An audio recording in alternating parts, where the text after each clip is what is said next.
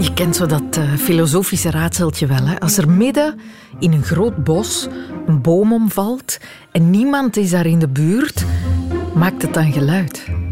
Bestaat iets alleen maar als het ook waargenomen wordt? Daar gaat het dan over. Hè? Bestaat de boom zelfs, als er toch niemand is die hem ziet?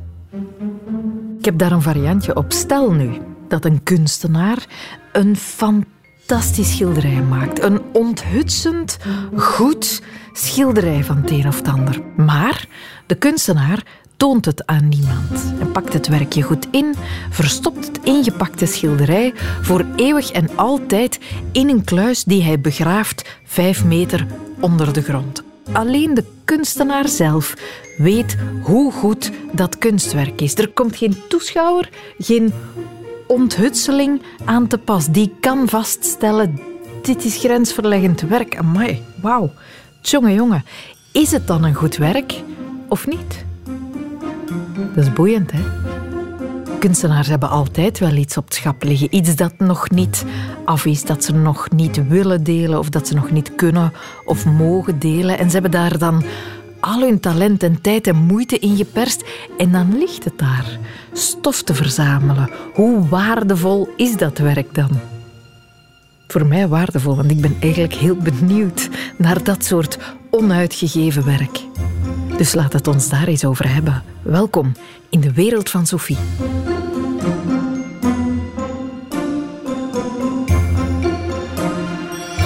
Ik was daarover beginnen denken toen ik hoorde dat de Nederlandse auteur Lucas Rijneveld een al zeer lang aangekondigd boek toch niet gaat uitbrengen. Dat boek had eigenlijk nu al in de winkel moeten liggen, maar het komt er niet. Ook niet later. Het komt er nooit meer. Want, liet de uitgeverij weten, er kwam een ander boek binnengeblazen. Leuk idee, hè? Dat boeken komen binnengeblazen lijkt me leuk. Maar door al dat blazen gaan we het verdriet van Siggy F., zo zou het boek gaan heten, nooit lezen. Nooit weten hoe goed het was, hoe het afloopt, hoe het begint. Misschien was het wel een steengoed verhaal. Misschien was het wel het beste verhaal dat een mens ooit op papier had gezet. Maar het bestaat alleen nu in de schuif van Lucas. Als het al bestaat. Johan Petit, de Antwerpse theatermaker, acteur van het Marta-tentatief, die heeft ook zo'n boek liggen in een schuif of op een plankje. Dat had ik van horen zeggen. En dus heb ik hem eens gebeld om te horen of er bij hem dan ook een boek was komen binnenblazen of dat het anders was gelopen. Hij was druk aan het repeteren toen ik hem belde, maar hij wilde wel even buiten stappen om het erover te hebben. Ik had eerst een toneelstuk gemaakt met een vriend, met een Roel, Roel Verniers, um, en, en nog allemaal andere acteurs. En toen was ik heel overmoedig, want ik dacht, uh, dat werd een fenomenaal toneelstuk, maar dat werd een draak. Dat werd echt een verschrikkelijk ding. Maar we hadden heel veel subsidies gekregen en we hadden dat ongelooflijk geregeld. En we mochten, uh, of we moesten, mochten, ja, eerst mochten, en uiteindelijk moesten dat stuk 25 keer spelen. Uh, op locatie eerst 15 keer in Antwerpen en dan 10 keer in Gent. Ehm, en dat was dus de hel om dat te spelen. Dus die, die acteurs en vooral de Roel dan vond dat gruwelijk. Ah, die, die haatte dat op dat podium staan en daardoor haatte die mij. En deed die ook ongelooflijk voors tegen mij. En begon ik op den duur hem te haten. Ehm, en dus dat was echt... Dat, is, dat is heel, heel heftig als je voelt dat je in jezelf haat het zitten. Um, en dan heeft hij mij op, het, op de laatste avond verrot gescholden. Heeft hij mij willen, willen ja, bijna doden met woorden, zou ik zeggen. En willen, willen een soort monoloog dat ik de grootste prutter aller tijden was.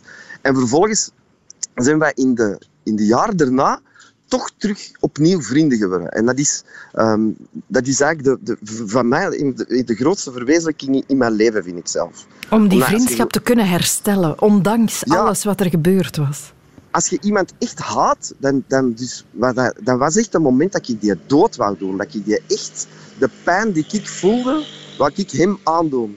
En waarschijnlijk had hij hetzelfde bij mij. Of allee, zo voelde dat toch. En dan is het zotte dat wij na die voorstelling, nadat die gedaan was, de eerste keer dat we elkaar zagen, hebben we toch, um, ja, hebben we toch goeiedag gezegd tegen elkaar. Mm Wat dat compleet crazy is als je elkaar haat eigenlijk. En dat hebben wij altijd blijven doen. En in de loop der jaren werden, die, werden, werden dat gesprekjes. En, um, en is dat uiteindelijk, zijn we terug binnen klappen, dus terug iets samen beginnen. Allee, eerst iets heel klein. En dan is hij ziek geworden en dan, dan ja, werden wij steeds terug beter vrienden. En op het einde heeft hij mij gevraagd of dat ik... Uh, uh, of dat ik een, ja, een theatrale lezing doen van zijn columns, want hij had dan columns geschreven van zitten, of dat ik hem daarbij wou helpen. En dat is zo ongelooflijk, dat is zo fenomenaal. En daar heb ik dus, dus deze verhaal wat ik nu vertel, heb ik een toneelstuk van gemaakt. En toen als ik daar aan het schrijven was, heb ik in de... Dus ik had, uh, dus ik had dat geschreven zo, uh, van januari tot, zal ik zeggen, juni. En dan lag dat twee minuten stil. En dan dacht ik, en daarna gingen we repeteren. In het verlof dacht ik, oh weet je wat, ik schrijf er even een boek van. Dan is dat tof, dan is er op de première een boek. Mm -hmm. En dat is eigenlijk dezelfde overmoedige daad die ik had toen als ik dat eerste toneelstuk schreef. Omdat ik eigenlijk nog nooit een groot toneelstuk met vijf acteurs had geschreven. En dus na twee maanden uh, en er was zelfs een uitgever bereid om dat te doen. Dus ik had een uitgever gevonden. En die vond dat eigenlijk ook allemaal goed wat ik schreef. Maar dan na twee maanden dacht ik, what the fuck? Kan ik dus achter hoe getikt, zot en moeilijk dat het schrijven van een boek is. Want ik had dat nog nooit niet gedaan, maar ik dacht dus, oh, ik, zou, ik kan dat wel. En ik had natuurlijk al wel veel toneel geschreven op dat moment. Maar zo, literatuur is echt, dat is gestoord. Daar ben ik dus achter gekomen hoe maf dat dat is, dat schrijvers zo'n heel boek, omdat dat, dat is zoveel. En toneelstuk, dat is een uurtje. Dat is een uur tekst. Mm -hmm. Maar een boek is, is, als je dat leest, is dat soms 16 uur. Dus die hoeveelheid informatie dat in die schrijvers in de kop, want die moeten dat allemaal weten en dat moet allemaal met elkaar kloppen. Dat is zoveel, dat is zo... Dat zijn, dat zijn eigenlijk... Een echt goede boek zijn eigenlijk tien toneelstukken in één keer. Zo voelt dat toch voor mij. Ja, ja. En dus, dat was, dus, ja, en dus dan uh, is die boek niet verschenen. En dan uh, in de loop der jaren uh, heb ik zelf gezegd van ja, deze gaat niet, deze trekt echt op niks. Omdat je dan ziet van ja, je, je, ook omdat je, je, zo literatuur schrijven, dat je moet ook je stem vinden eigenlijk, je toon. En dat, ja, dat had ik dus nog totaal niet. En dan heb ik in de loop der jaren nog, uh, dus nog twee keer of drie keer uh, ja, zo deadlines voor mezelf gezet. En nu kon ik, en dan ja, elke keer voelde van het is niet af. En, en het verschil met een, met een boek en een toneelstuk is, een boek moet toch echt, ja, als, die, als je die uitgeeft, is die af. Allee, je kunt dat zelf vinden van niet, maar de wereld vindt dat van wel. Dus dan, dan kun je dan daarna niks meer om veranderen. Dus mm -hmm. ja, je, je kunt. Dus ik snap heel goed dat, dat Lucas Rijnveld zegt nee, want het moet juist zitten. Of je moet, er, je moet uh, met alle fouten dat erin zitten, die moeten kunnen verdragen als dat dan daarna de wereld ingaat. Ja, ja, je kan het niet meer en terugroepen. Dus, ja. Eens dat het er ja. ligt, ligt het er voor goed. Ja, sorry voor die, voor die waanzinnige monoloog, maar dat is, dat is echt... Uh, dat, dat is zo'n uh, ja, dat is zo'n ding dat ik zo hard in mijn hart draag. Dus ik weet, die boek moet ooit afgeraken. Maar die stikt dus in mijn computer. En elke zomer, als er zo een week of twee weken uh, tijd is, dan begin ik er zo weer terug aan een hoofdstuk. En ik, ik, het probleem is bij mij, doordat ik theater maak, zijn er altijd belangrijkere dingen dan die boek. En dat is verzot te worden. Ja, ja. Uh, dus dus uh, ja. Dat snap ik wel. Wat, want we hebben een, een, klein, maar niet onbelangrijk deel van het verhaal overgeslagen. Uh, je vriend, uh, Roel Verniers, met wie ja. je die fenomenale ruzie hebt gehad en het later ook hebt weten bij te leggen waarover de voorstelling gaat, waarop het boek mm -hmm. gebaseerd is. Hij is wel overleden intussen. Speelt ja. dat ergens mee, denk je, in de worsteling om dat boek af te krijgen? Dat daar wel die fenomenale dood tussen zit? Uh, nu rokte iets, uh, iets waar, ik, waar het in, in het boek over gaat. Ook, of allee, wel, boek dat er dus nog niet is, maar eigenlijk ook heel lullig is om te spreken over een boek. Dat, als je gaat schrijven, spreekt over een boek die er nog niet is en je hebt nog nooit een boek geschreven, zit eigenlijk geen schrijver, dus dat eigenlijk een beetje schaamte om erover te babbelen. Maar, maar zwart, uh, wat daar lastig is erbij, is uh, dat de boek begint met eigenlijk het feit dat ik zeg, ik weet niet of ik dit boek zou geschreven hebben als de rol nog geleefd zou hebben. En dat vind ik eigenlijk zelf ook heel lastig, omdat je, um, het, je vertelt een verhaal uit je leven met hem als dingen en hij heeft geen weerwoorden niet meer. Hij kan er niet meer op antwoorden. Dus dat is zo... Um, dus je wilt dat zo goed en zo eerlijk mogelijk. En je, en je, je, je hebt natuurlijk ook hij in je achterhoofd altijd dat, dat, dat je hoopt, dat je er alles aan wilt doen, dat dat ook klopt voor, voor hem. Ook al is dat er niet meer. Maar dat je... Um, of allee, dat, dat is wel inderdaad een stuk van het gevecht. Je zit als redacteur wel in je hoofd. Zelfs al zit jij aan het toetsenbord ergens, is hij mee ja, aan het schrijven. Ja, dan ben ik, dan ben ik zo jaloers, want ik weet dat hij als hij een column schreef, die schreef dat op een uur en paf, en dat was af. En dan stuurde hij dat door. En ik moet zo altijd uh, krabben en vechten en, en schaven. En op mijn manier lukt dat ook wel, maar ik heb toch meer... Uh, ja, hij was echt... Uh, nog, ja, hij was heel straf.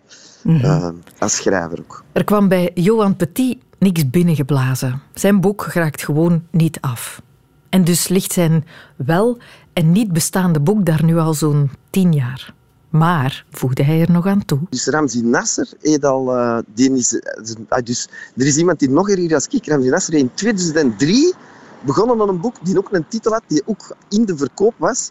En die ook nu nog altijd niet is uitgegeven. Uh, en die er ook... in 2013 heeft hij nog eens geprobeerd. En dus bij mij, ik heb tien jaar, maar hij dus twintig jaar al heeft zo'n boek uh, in zijn schaaf liggen. Ben je nu dus gewoon... Het, het, kan nog erger. Ja, de aandacht aan het afleiden door naar iemand anders te wijzen. ja. Twintig jaar. Uh, hij kan binnenkort het jubileum vieren van zijn onuitgegeven... Ja, misschien moeten we die samen uitgeven. Dat zou ja. wel heel goed zijn. Ja, of gewoon een feestje geven zonder boek. Een boekvoorstelling zonder boek. Dat kan ook. We vieren twintig jaar, twintig jaar boek, onuitgegeven boek. Ja. ja. Dat is waar. Bij mij is tien jaar. Het is eigenlijk een lustrum. Kan, ja. kan een feestje geven voor mijn onuitgegeven. ik kom af. Waarom zouden we het niet vieren eigenlijk? Onze klatjes, onze edele pogingen tot, onze bijna's. En dan nodigen we meteen Alex Callier uit voor de muziek. Alex Callier, de man achter de band Hooverphonic, die heeft niet één ongepubliceerd werk op het schap liggen, die heeft er tientallen. En misschien nog veel meer. Hij heeft zelfs een integraal afgewerkt album zitten dat we hoogstwaarschijnlijk nooit zullen horen. Hij bewaart al die onuitgegeven dingen in zijn digital vault, een kluis in de cloud.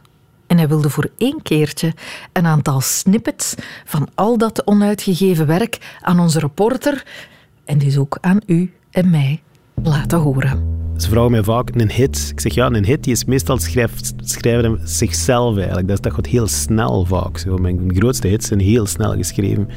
En dan zeggen mensen vaak, ah, dan moet je niet veel werken. En dan zeg ik, ja, nee, nee, dat moet ik teleurstellen. Ik moet heel veel schrijven om dan af en toe zo een moment te hebben van, weet ik veel wat, dat dat, ineens gebeurt. Ik heb zo'n een, een, backup disk, alleen verschillende backup disks, maar op die disk staat uh, een map, de Vault noemt dat. En in de Vault, daar, zit, daar zitten alle tracks die nooit uitgebracht zijn. En dat zijn er veel. En dan vragen mensen mij, ja, waarom zijn die dan niet uitgebracht? Ja, waarom?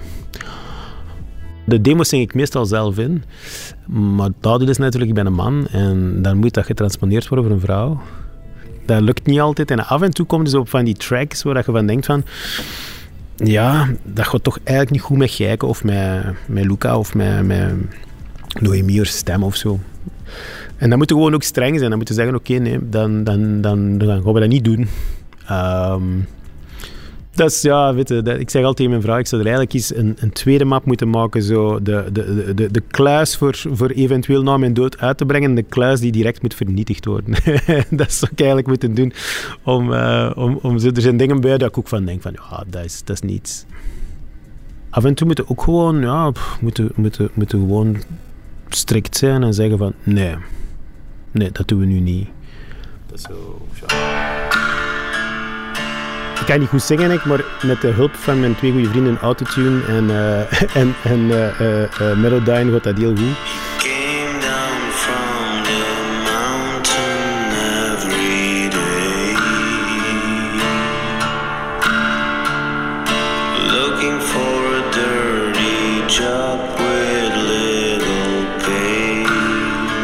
Maar gelijk dit nummer, dat is wel omdat je een bepaalde vibe met mijn stem. En dat is niet gemakkelijk om, dat, om, om, om, om dan iemand te vinden die dat dan juist zo zingt. Plus dat is ook geen single of zo, dat is ook niet een single materiaal. Dat krijg je altijd gemakkelijker geplaatst natuurlijk dan, uh, dan een albumtrack. Maar dit kunnen we niet uitzenden. Dit is echt niet, uh, dit is demo, dit is niet de bedoeling. Maar bijvoorbeeld af en toe krijg je ook zo dit. Uh, dit is waarschijnlijk... En op een bepaald moment vormt dat zichzelf of zo. Op een bepaald moment is het iets van, oké, okay, nu hebben we pak 13 of 14 nummers die we gaan afwerken. En dan, en dan vallen er bij ons soms nog af. Dan, we hebben nu denk ik voor deze plaat 11 nummers die op de plaat staan van ons nieuwe album. En ik denk dat er twee of drie afgevallen zijn. Die niet slecht zijn, hè? Nou, eigenlijk heel goede nummers.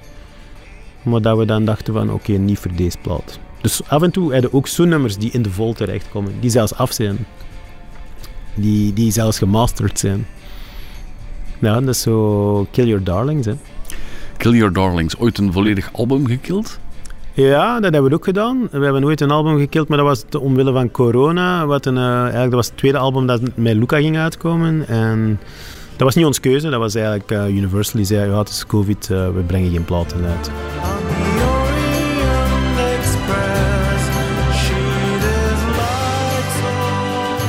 Ze vonden, zolang dat er geen fysieke sales mogelijk waren in winkels, wouden ze dat niet doen. Ik vond dat heel oldschool gedacht. Ik dacht van, ja, weet je...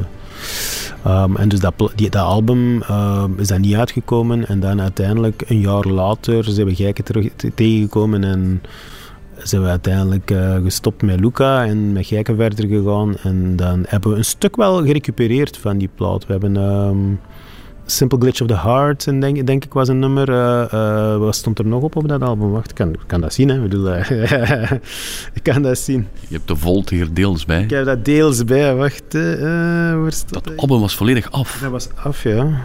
Ja, absoluut. Wacht, maar kijk, ik zit hier in de buurt, dus ik moet dat hier ergens hebben. Hier zit het. Een Simple Glitch of the Heart hebben we, Belgium in the Rain hebben we gerecupereerd, Circus hebben we gerecupereerd. En dat is het eigenlijk. Het was, een, het was eigenlijk een, een, een, een Simple Glitch of the Heart was titeltrack en het was heel zo, ja, bijna wat cabaret-achtig. Dat was klaar om geperst te worden, ja, absoluut. Ja. En dat is teruggetrokken? Ja, ja, ja. en dat, dat was onze keuze niet.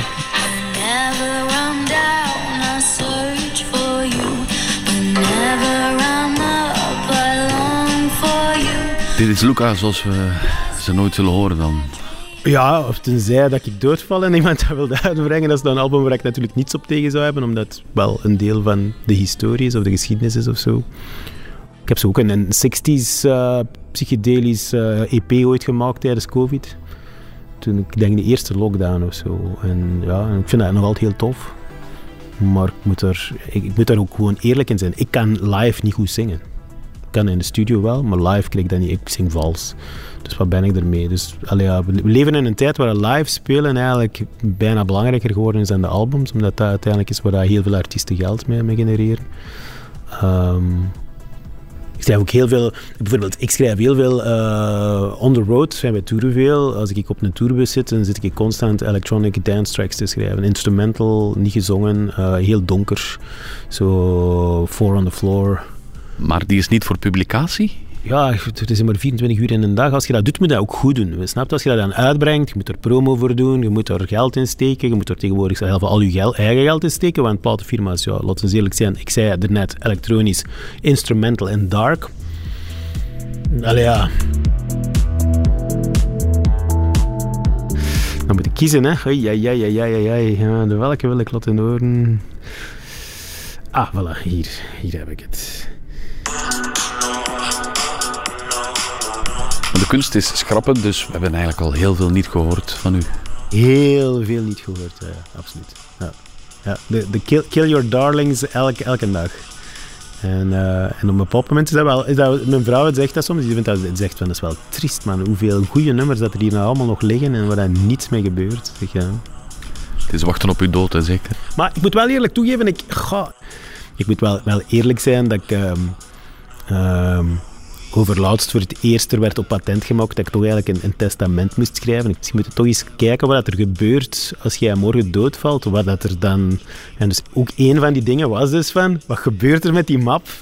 En die advocaat was er heel duidelijk in. Die zei, ja, als je dat echt wilt dat er dingen zijn die, die niet gepubliceerd worden, dan moet je dat toch wel echt apart zetten. En ik zei, nee, dan kan ik dat beter wegsmijten. Dan ben ik heel zeker.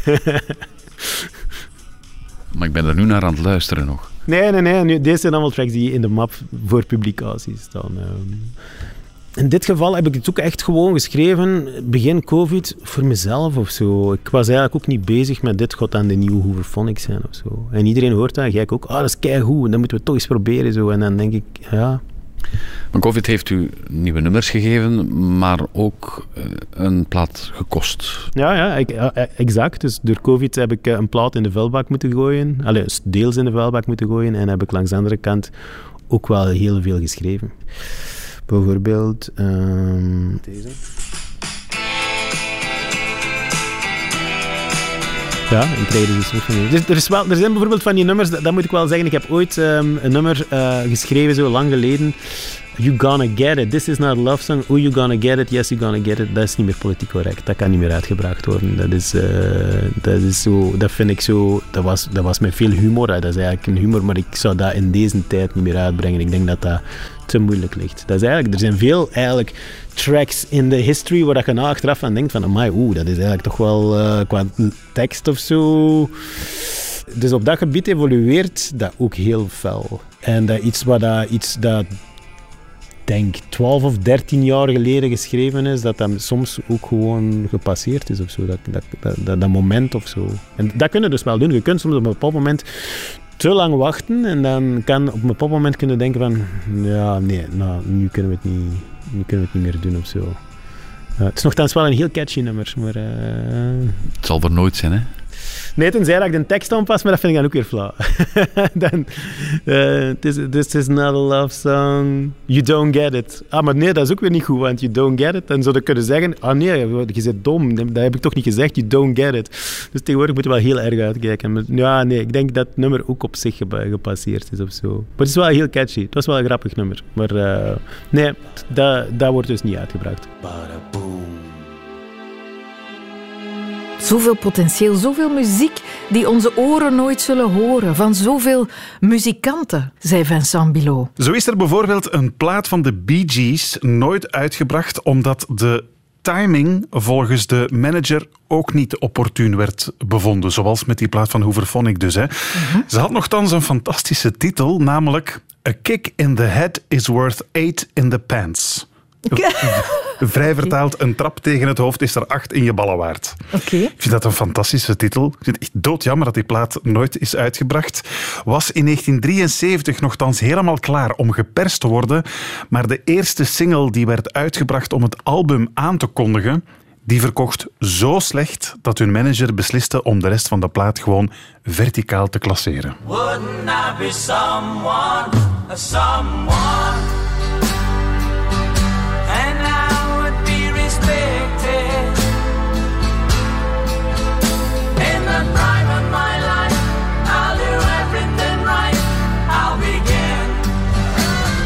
Oké, ja, het is misschien niet hun beste nummer. Ik zou er misschien niet mee als eerste single naar buiten komen. Nee, misschien was dat de fout. Maar goed, de manager was onverbiddelijk en de rest van de plaat verdween dus voorgoed in een kluis. Alles zeg. The Clash is in 1983 iets soortgelijks overkomen. You got to let me know.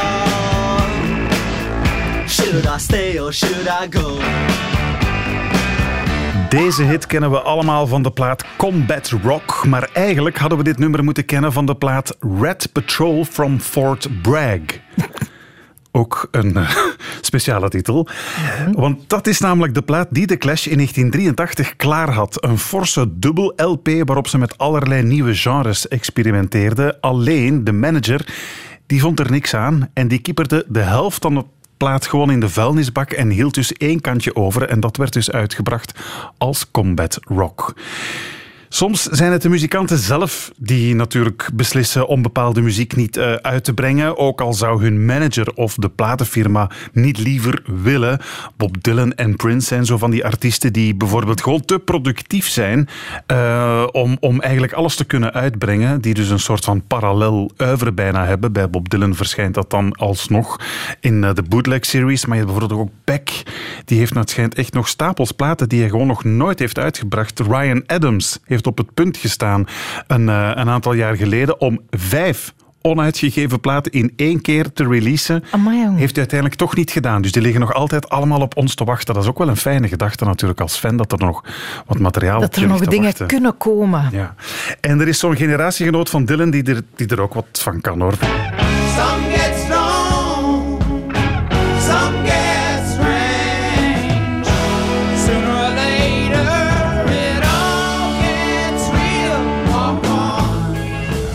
Lijst met platen die Neil Young niet heeft uitgebracht toen het de bedoeling was. Die is denk ik bijna even lang als die met zijn officiële uiveren. Ah ja? Ja, een van de bekendste voorbeelden is toch wel de plaat die hij begin 1975 opnam als opvolger voor het prachtige On the Beach, waaruit we nu net eh, Walk On hoorden.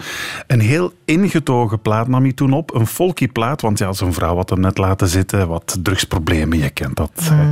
En het resultaat is het album Homegrown. Zijn platenfirma is razend enthousiast, Sofie, want zij horen dat die plaat muzikaal wat verwant is aan zijn grote doorbraakplaat Harvest. Dus ja, ze zien daar de miljoenen al binnenstromen. Alleen, Neil Young die heeft nog een andere opname liggen die hij liever wil uitbrengen, namelijk Tonight's the Night. Ook een goede plaat natuurlijk. Maar die Homegrown, die verdwijnt thuis gewoon terug in de kast. Of weg, voilà. Ja, twee jaar later zal hij er wel één liedje uithalen voor de compilatie Decades. Love is a rose, but you better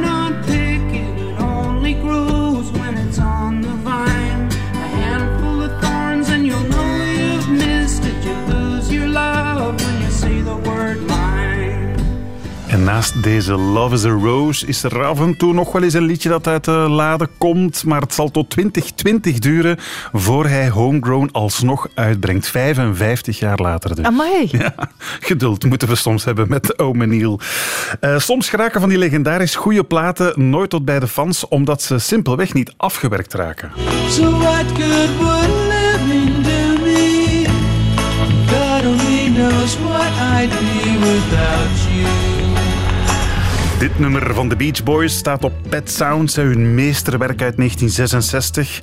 Brian Wilson van de Beach Boys die wou die Tour de Force meteen overtreffen met een nog straffere plaat. Smile, zo zou die plaat heten, en het moest maar echt een soort symfonisch conceptalbum worden.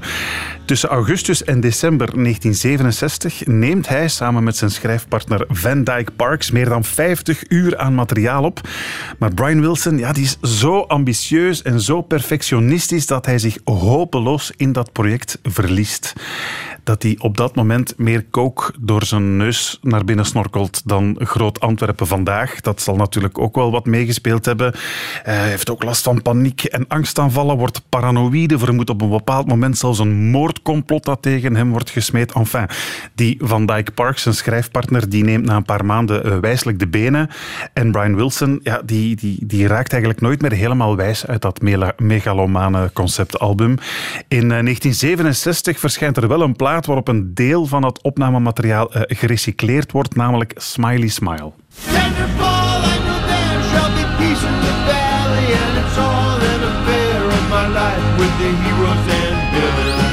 En zo kennen we dus dit nummer Heroes and Villains, dat aanvankelijk voor die Smile-plaat bedoeld was. En uiteindelijk zullen er in 2004 en later in 2011 alsnog afgeleide versies van die Smile Sessions uitgebracht worden. Maar Smile, zoals Brian Wilson het ooit voor ogen had, dat gaan we denk ik nooit meer te horen krijgen. Zeg. Nog zo'n band die een eh, iets te zot albumidee heeft moeten laten varen wegens compleet onuitvoerbaar is deze. the mind.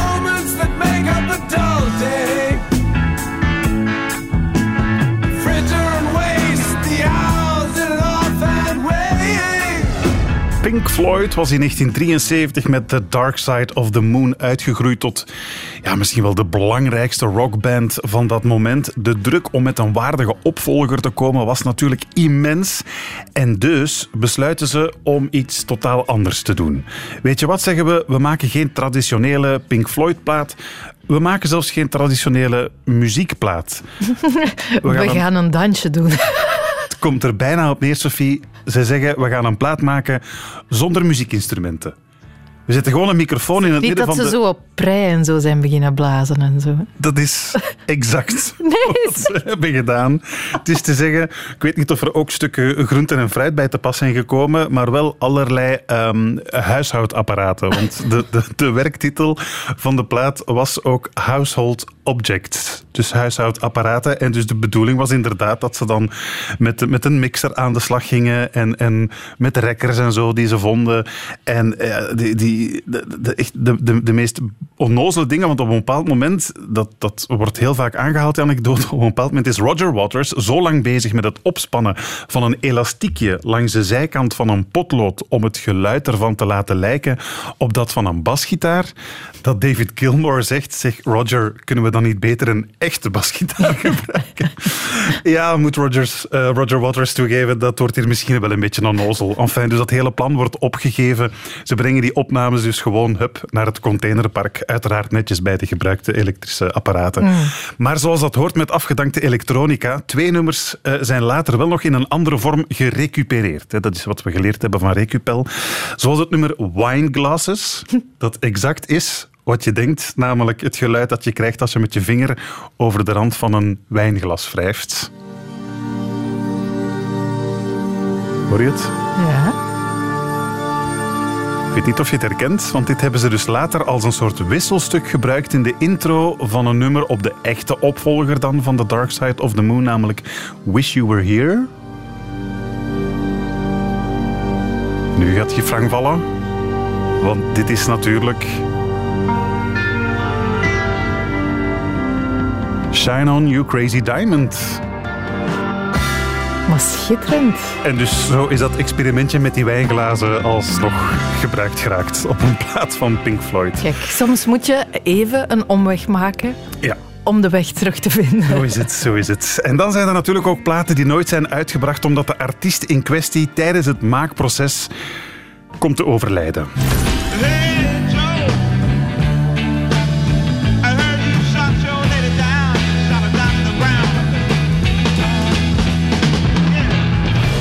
Jimi Hendrix die, eh, heeft begin 1970 een hele plaat opgenomen in zijn appartement in New York. Het is te zeggen de demo's daarvoor op akoestische gitaar. Beetje later, tijdens het Isle of Wight festival waar hij optreedt, geeft hij die opnames aan zijn drummer.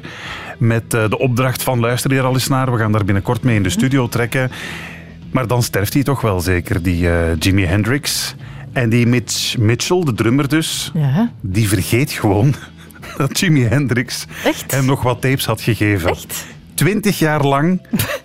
Twintig jaar lang hebben die tapes stof liggen vergaren in een kast bij Mitch Mitchell thuis. Was dat ook van snorkelen dat hij dat vergeten was? Dat zou daar ook mee kunnen te maken hebben. Maar het is dus pas na de dood van Mitch Mitchell dat die eh, opnames in de handen komen van eh, Jimi Hendrix' zijn halfzus eh, Janie. Die belooft dat uit te brengen, maar vooralsnog is er nog maar één liedje daarvan opgedoken.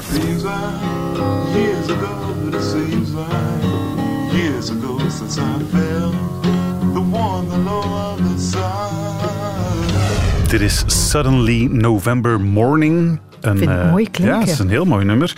Eh, is terechtgekomen op West Coast Seattle Boy, de Jimi Hendrix Anthology. Op de rest is het dus nog altijd wachten. Maar soms, heel soms, betekent iets niet uitbrengen, Sophie, dat er iets anders, veel beters, wel is uitgebracht.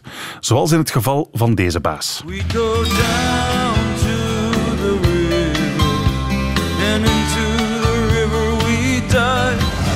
Bruce Springsteen die trekt in februari 1982 de studio in met de E Street Band voor de opvolger van The River.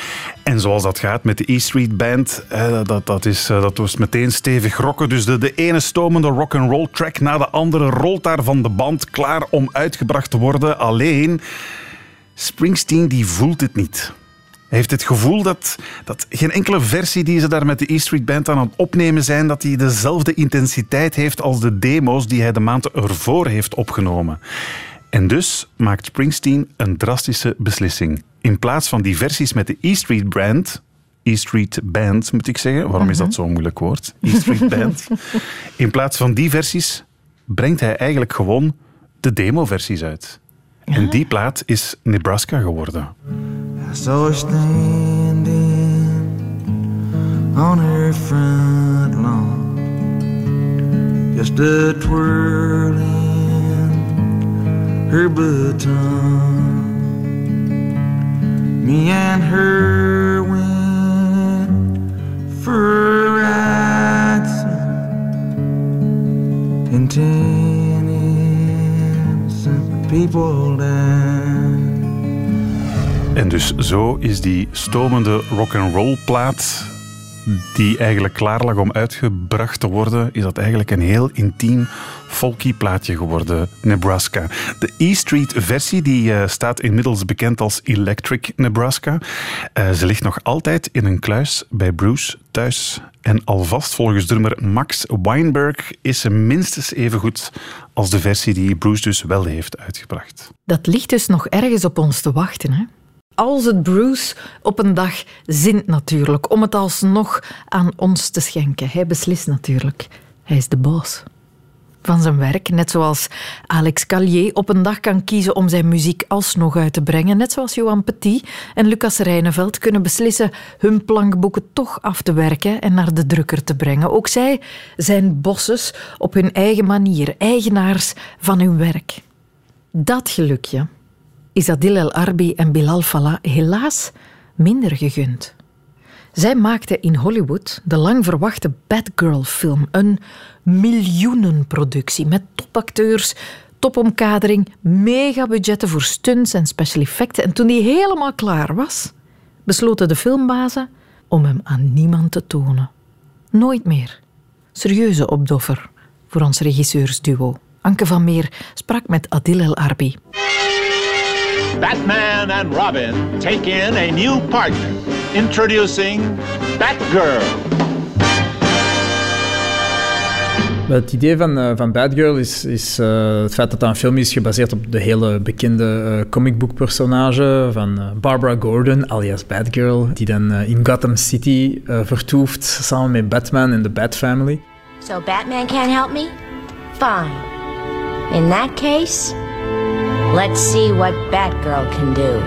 Batgirl, Batgirl, Batgirl, Batgirl. Ja, DC uh, Comics uh, met Warner Brothers hebben een aantal films gemaakt over die bekende personages, Superman, Wonder Woman en, enzovoort. En Batgirl was dan de volgende personage in het rijtje. En dan werd uh, ons het script aangeboden om dat te verfilmen. En aangezien ik een heel grote fan was van, van Batman sinds ik klein was, en specifiek zelfs de Michael Keaton Batman, dacht ik oké, ik moet op deze occasie springen.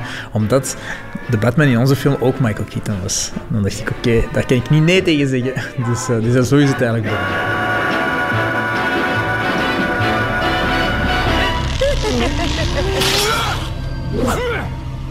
Dat was 2021, wanneer we voor de eerste keer het scenario hebben gekregen van Batgirl. En dan is het eind 2021 uh, de, de opnames eigenlijk begonnen.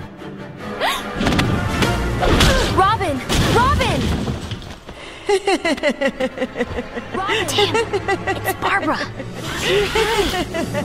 Dat was de meest uh, rustige, stabiele productie die we tot nu toe hadden meegemaakt. Um, in het begin was er wel een soort van sfeer waarbij we niet al te veel mochten sleutelen aan het scenario. Dus het verhaal was wel heel goed, maar natuurlijk, zoals bij elk project, is er nog altijd wel wat werk aan het scenario. Maar er werd toch een beetje tegen ons gezegd: uh, blijf gewoon draaien wat er geschreven is. Dus we hadden de beslissing genomen om gewoon exact te draaien wat geschreven was.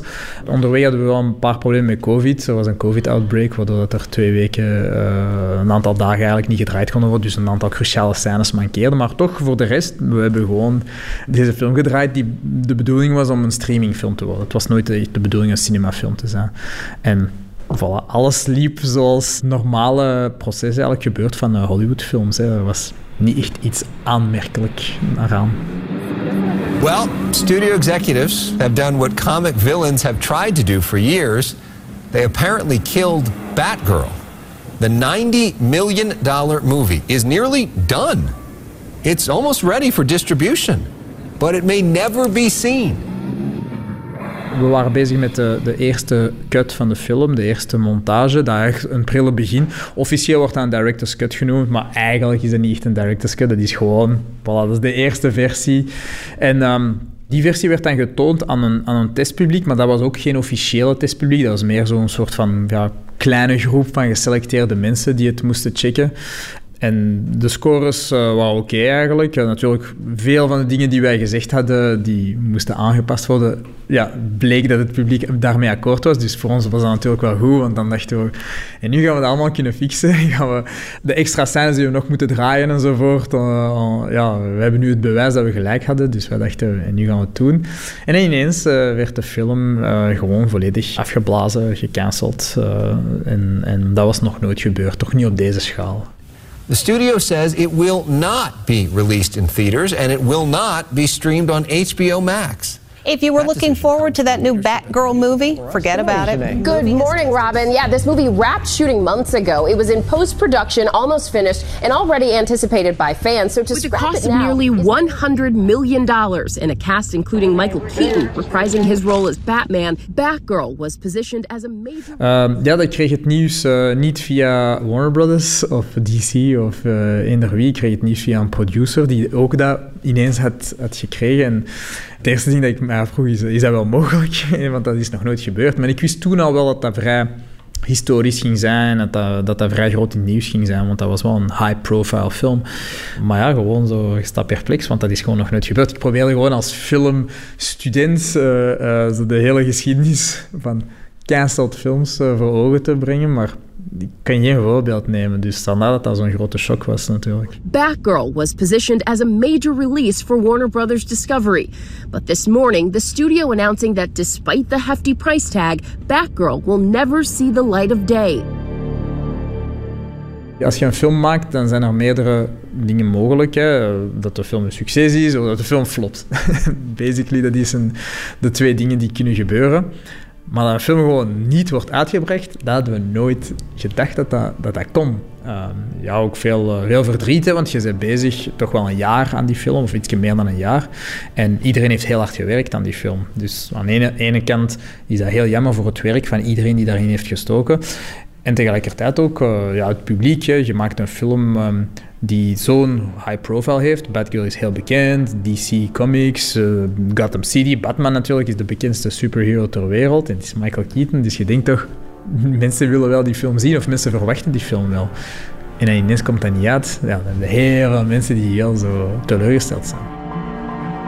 The star of Batgirl, Leslie Grace, known for her work in In the Heights, expressing her disappointment this morning, writing, On the heels of the recent news about our movie Batgirl, I'm proud of the love, hard work, and intention all of our incredible cast and tireless crew put into this film over seven months in Scotland. Hoofdactrice Leslie Grace, dat was haar eerste hoofdrol in een film. Dat was haar tweede film ooit. En ze heeft een supergoeie prestatie neergelegd. En dat is heel spijtig van dat niet te kunnen tonen aan de wereld hoe goed dat ze gespeeld heeft. To every Batgirl fan, thank you for the love and belief, allowing me to take on the cape and become, as Bab said best, my own damn hero, Batgirl for life. Brendan Fraser, die, die had toen al een Oscar-waardig rol neergezet. En Michael Keaton als Batman, J.K. Simmons. Dus dat zijn allemaal zo van die klasbakken die... Ja, ineens dat was een grote eer om met hen te werken, maar, maar dat, is, dat is heel spijtig dat niemand dat gaat kunnen zien. Wel gezegd nooit nooit. Voorlopig, als het nu van Warner Brothers afhangt, is dat nooit uitgebracht worden. Maar wie weet, eh, de toekomst kun je nooit 100% voorspellen. Zoals deze niet voorspeld was, kun je ook niet voorspellen dat de film misschien toch in een bepaalde vorm uitgebracht wordt. Maar het ding is wel dat de film niet 100% af was. Er was nog heel veel werk. Dus deze film, uiteraard, hoe dat die nu is, hoe dat die er nu bij loopt als eerste versie. Ik zal het zelfs niet de nummer 1 versie noemen, maar de nummer 0.3 versie. Maar je kunt dat natuurlijk niet tonen en niet op die manier exploiteren. Je moet echt nog... Het werk begon pas maar. Ik denk dat dat ook wel een precedent is. Ik denk nu dat er meerdere projecten zijn, reeksen en films, uh, waarbij regisseurs zich toch gaan afvragen, gaat, zijn we nu zeker dat het geëxploiteerd gaat worden, dat het gezien gaat worden? Het gebeurt nu al. Niet per se met films, maar het gebeurt wel met reeksen nu. Er zijn reeksen die volledig afgewerkt zijn geweest, die nu gewoon niet worden getoond. Misschien zijn er nu ook, ook films die afgevoerd zijn geweest, waarvan we het niet weten. In ons geval, omdat we de eerste waren, omdat dat uh, zo'n hoog profiel was, met zoveel bekende mensen die betrokken waren. Ja, daarom heeft dat heel veel aandacht. Maar ik weet al sowieso van een reeks die volledig gedraaid is geweest, echt af, afgemonteerd. Dat zijn meerdere afleveringen, meerdere uren werk. En ze hebben gewoon gekozen om dat, om dat af te voeren. Ja, ik denk door, door wat er gebeurd is bij Bad Girl, wat, dus een soort van bedrijfsbeheer die eraan gelinkt is en belastingen enzovoort, is dat, dat Warner Brothers is overgekocht geweest door Discovery Channel. Waardoor dat er dus een nieuwe CEO was. En wanneer dat een zo'n groot bedrijf door een ander groot bedrijf wordt overgekocht, kun je films eigenlijk afschrijven en geld terug recupereren van de belastingen. Vooral dat die films of die projecten nooit worden geëxploiteerd. Dus in het geval van, uh, van, van Bad Girl, aangezien dat Warner Brothers met zoveel schulden zet, ze moesten een beslissing nemen van ofwel gaan we meer geld steken in de film om het af te werken, dus dat zijn sowieso een aantal miljoenen dollars, of we gaan de film gewoon vermoorden en dan gaan we daar tientallen miljoenen dollars terug recupereren van de belastingen. En zo de grote schuldengat eigenlijk dichten. En dat is wel waardoor dat, dat er andere bedrijven gewoon zoiets hadden van oh, oké, dat is wel een optie die we nu ook wel kunnen doen in plaats van een film exploiteren, dat wil zeggen, of een serie exploiteren, uh, geld insteken, marketing enzovoort, of potentiële reshoots, gewoon de film of de reeks gewoon volledig vermoorden, dat die nooit nergens gezien gaat worden. En op die manier bespaart je geld. Uh, het zijn allemaal van die hele taxatie en beurs en, en, en boekhoudkundige dingen die dan niks te maken hebben met de kwaliteit van het project. Dat is Hollywood, hè? dat is Amerika. dat is toch, toch wel iets anders, hè? Een, ander, een ander beestje. Batgirl, would you take this young lady? She's gone, Batman. She knew when to get out of here. Smart dame. Who is she? I don't know. I never have. Perhaps I never will. But I wish I did. Boekhoudtechnische redenen. Er kwam geen nieuw boek binnengeblazen. Het was geen persoonlijk perfectionisme. De boekhouder vond het leuker zo. En daarmee ligt een integrale film ergens te schimmelen in een kluis. For no one to be seen. Ongelooflijk. We hebben het over onuitgegeven werk. Werk dat wel bedoeld is om te tonen, om te laten horen, om te laten lezen aan een groot publiek en dat uiteindelijk dat publiek nooit bereikt. Maar soms gebeurt het ook andersom. Is iets niet bedoeld om uitgegeven en getoond te worden en belandt het dan toch in de handen van Jan en Alleman? Dat was bijvoorbeeld het geval bij L'origine du monde, het beroemde schilderij van Gustave Courbet. Dat vertelde Wart Bogaert. U kent het schilderij vast. Het is dus een, een close-up van een zeer gul gepresenteerde, zeer harige vagina. Je ziet ook bovenaan aan de rand van het schilderij ook nog wel een flart van een borst. Maar het is toch vooral die full frontal nudity. Ik dacht dat dan... je foef ging zeggen. maar- Ah, dat is een gemiste kans. ja. ja. Ja, had ik moeten zeggen. Maar goed, jij hebt het nu gezegd. Ja. Full frontal foef, dat is het dus eigenlijk. Hè. Eh, geschilderd door Gustave Courbet, 19e-eeuwse Franse schilder. Dat werk is 120 jaar lang en tientallen mensen zijn daaraan medeplichtig. 120 jaar lang uit het publieke oog gehouden, Ah, ja? verborgen voor het grote publiek. Het begon al en dat is logisch, hè, dat, het dan, dat het grote publiek het dan niet ziet bij het begin. Het was namelijk een privéopdracht voor Courbet. Een opdracht die hij had gekregen van ene Khalil Sherif Pasha.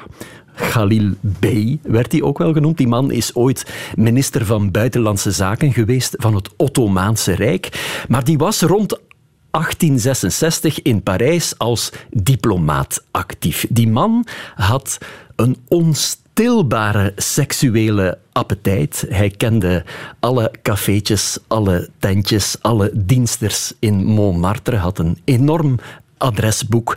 Maar hij had ook een even onstilbare appetijt naar kunst. Hij had een indrukwekkende kunstcollectie. Ingres, Delacroix, Rousseau's, Jérôme's, hij had ze allemaal. En die kunstwerken die hingen overal in zijn poepchique diplomatenwoning in Parijs, tot in zijn badkamer.